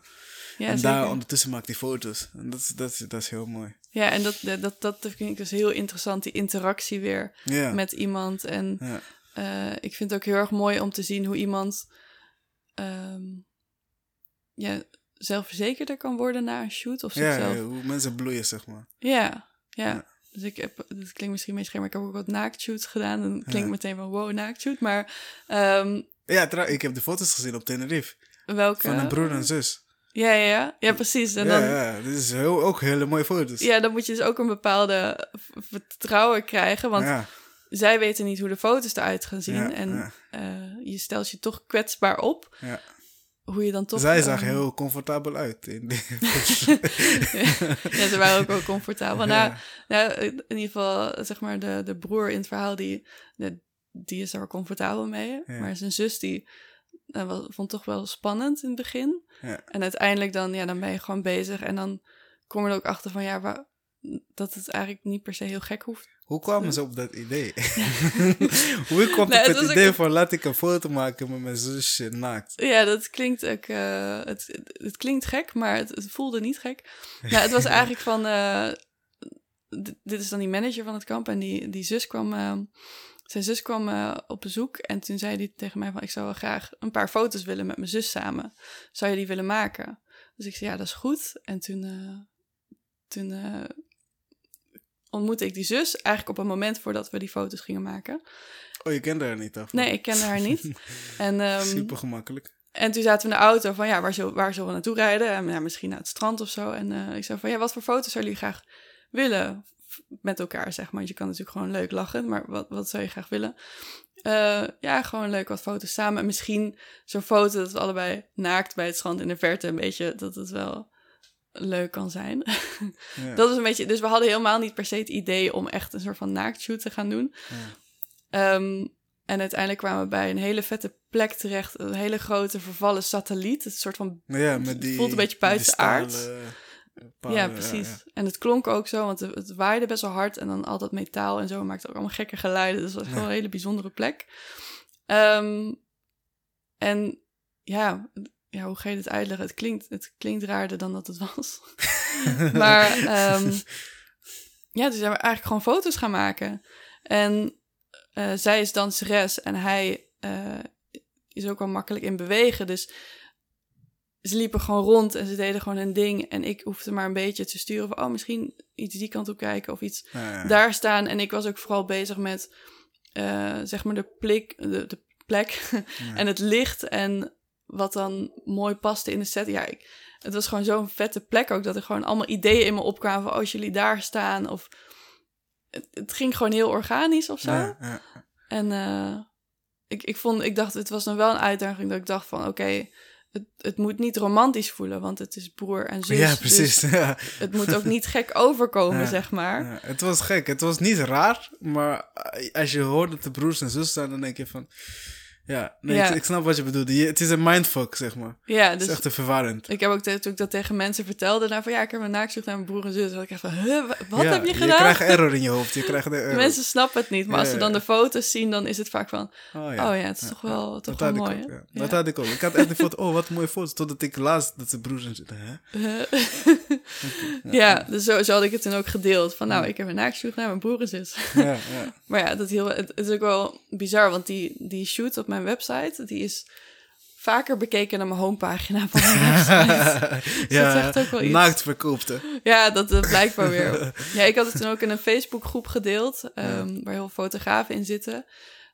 En ja, daar, daar kreeg ik zoveel reacties op, maar ook gewoon heel veel mooie positieve reacties, dat ik dacht van, wow, dit, dit doet echt wat met mensen ja, of zo. Ja, ja, ja. Ja, toen dacht ik van, ja, dit is wel echt heel vet. En, ehm, Dan moeten mensen hebben die dat durven. Ja, ik denk, ik denk ook niet dat iedereen een naaktzoek met een broer of zus moet doen. Nee. Dat. Dus, ja, maar, eh, Ja. maar in deze setting voelde het, Het gek genoeg best wel gewoon Ja, heel normaal of zo. Eh, nice. Eh poeh, zo snel gaan. Het is een uur en eh, bijna twintig minuten. Jeetje. Dus, ja, het gaat hard. hè. Eh, om het af te sluiten, eh, of is er iets wat je nog eh, kwijt wil? Ehm, ja, geen idee. Hoe vond je het gaan? Vond je het spannend? Ja, ik vond het wel heel spannend, maar ik vond het wel, het, het ging wel goed. Het gaat goed, ja. Ja. Eh, ik sluit het altijd met dezelfde vraag. Mhm. Ik weet niet of je de vraag kent. Zeker, Ja? ja. Eh, eh, dan kunnen we het snel doen. Vertel mij, wat is jouw... kan je me meenemen naar het meest ongelukkigste moment in je leven?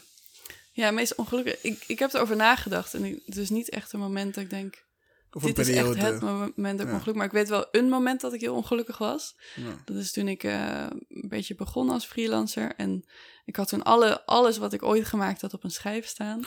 Nou, die schijf die crashte. Nou, toen heb ik me wel echt eh, heel ongelukkig gevoeld. Dus toen ik zag werk- mijn hele leven, mijn hele werk, alles was weg. Oh, dus heb toen je dat ooit terug Ik heb het terug, het heeft me wel veel geld gekost, maar ik heb het wel weer terug eh, kunnen krijgen. Maar op dat moment, voordat ik wist dat het überhaupt terug te halen was, heb ik me wel echt ongelukkig gevoeld, ja. Ja, ik snap het, ik snap Ja. het. Het is een ellendige moment. Ehm, en eh, jouw meest gelukkigste moment? Jouw gelukkigste moment? Meest gelukkig, nou ja, daar kan ik heel veel opnoemen. Ja, Maar één, moment, eh, redelijk recent, dat ik me echt heel gelukkig voelde, dat was dus afgelopen januari, dat we dus een reunie hadden met de mensen van dat surfkamp. Tenerife, ja. Ja, een jaar later. En eh, ik weet dat, zeg maar, de laatste dag dat ik daar was, toen gingen we met z'n allen surfen. Ja, het voelde gewoon zo fijn om met, weer met z'n allen samen te zijn. Omdat ik eigenlijk ook al ervan uitging, ja, iedereen komt van allerlei andere plekken van de wereld vandaan. Ja. De kans dat wij elkaar nog een keer gaan zien is heel klein. Dus dat feit dat we elkaar weer allemaal daar troffen, was gewoon heel vet. En dat ik dan daar op het strand zat en net echt voor het eerst weer de green waves heb kunnen surfen. En eindelijk een beetje onder de knie kreeg om zo'n eh, zo'n golf te kunnen surfen. En gewoon met, met al die ja, vrienden van mij dan, die ik daar ontmoet heb, samen te zijn. Ja, toen, toen zat ik daar en dacht ik, ja, ik voel me echt heel gelukkig en dankbaar Ja. nu dat het... eh, Dat het weer mag. Ja. Oh, mooi. Ehm, even voordat ik eh, de vraag ga stellen. Eh, de surfkamp heet Twin Surf. Twin Fin, ja. Twin Fin Surfkamp, ja. De documentaire heet eh, Leven in de Zon. Ja. Eh, wat, hoe de documentaire verloopt, laten we in het midden. Mensen Ja. moeten gaan kijken. Ja. maar het is een hele mooie documentaire geworden. Het verhaal is mooi. En ik denk dat iedereen zich ergens kan vinden in dat verhaal van Marike. Ik hoop het, ja. Eh, jouw site is valeriespanjers.com. .com. Gewoon mijn ja, naam. ja, en jouw Instagram net zo. En Ja, ik raad mensen aan om gewoon jouw Instagram te volgen, want je post Yes. echt prachtige foto's. Dankjewel. Eh, hoe gelukkig ben jij nu? Tussen die, Hoe gelukkig ben ik nu? ja. Eh, nou, ik denk als, je, als, ik, als ik een beetje uitzoom op mijn leven nu, dat het toch echt wel een 9 is. Ik ben wel echt, eh, ik voel me wel echt heel gelukkig. Dat is Ja. prachtig. Dat is een hele mooie cijfer. Ja, ja, het is. eh, ja. ik, ik ben ook, ja, ik ben gewoon heel dankbaar voor ja, waar ik nu sta en ja, wat ik allemaal mag doen en de mensen om me heen. Eh, dat is mooi. Je bent eh, lekker werk, een beetje verliefd. Ja, Eh, dus dingen gaan lekker. Je bent gezond, je familie is gezond. Nou, mooi. precies. Veel ik- dingen om dankbaar voor te zijn. in ieder geval. Ja, ja, ja, veel meer. En ook veel meer. dingen waar ik nog aan kan werken, maar dat is alleen maar, Maar dat is alleen maar goed. ja, Dan heeft zijn leven een beetje zin. precies. De balans, hè? Ja, precies. nou, dankjewel voor je tijd. Ik vond het echt Ja, leuk en gezellig dat je er was. Laten we niet nog een keer vier jaar over doen om elkaar te zien. nee, Dus, laten we iets eh, korter termijn. Even korter doen, ja. ja, ja. Nou, dankjewel voor je tijd en eh eh Charles, dankjewel voor het luisteren.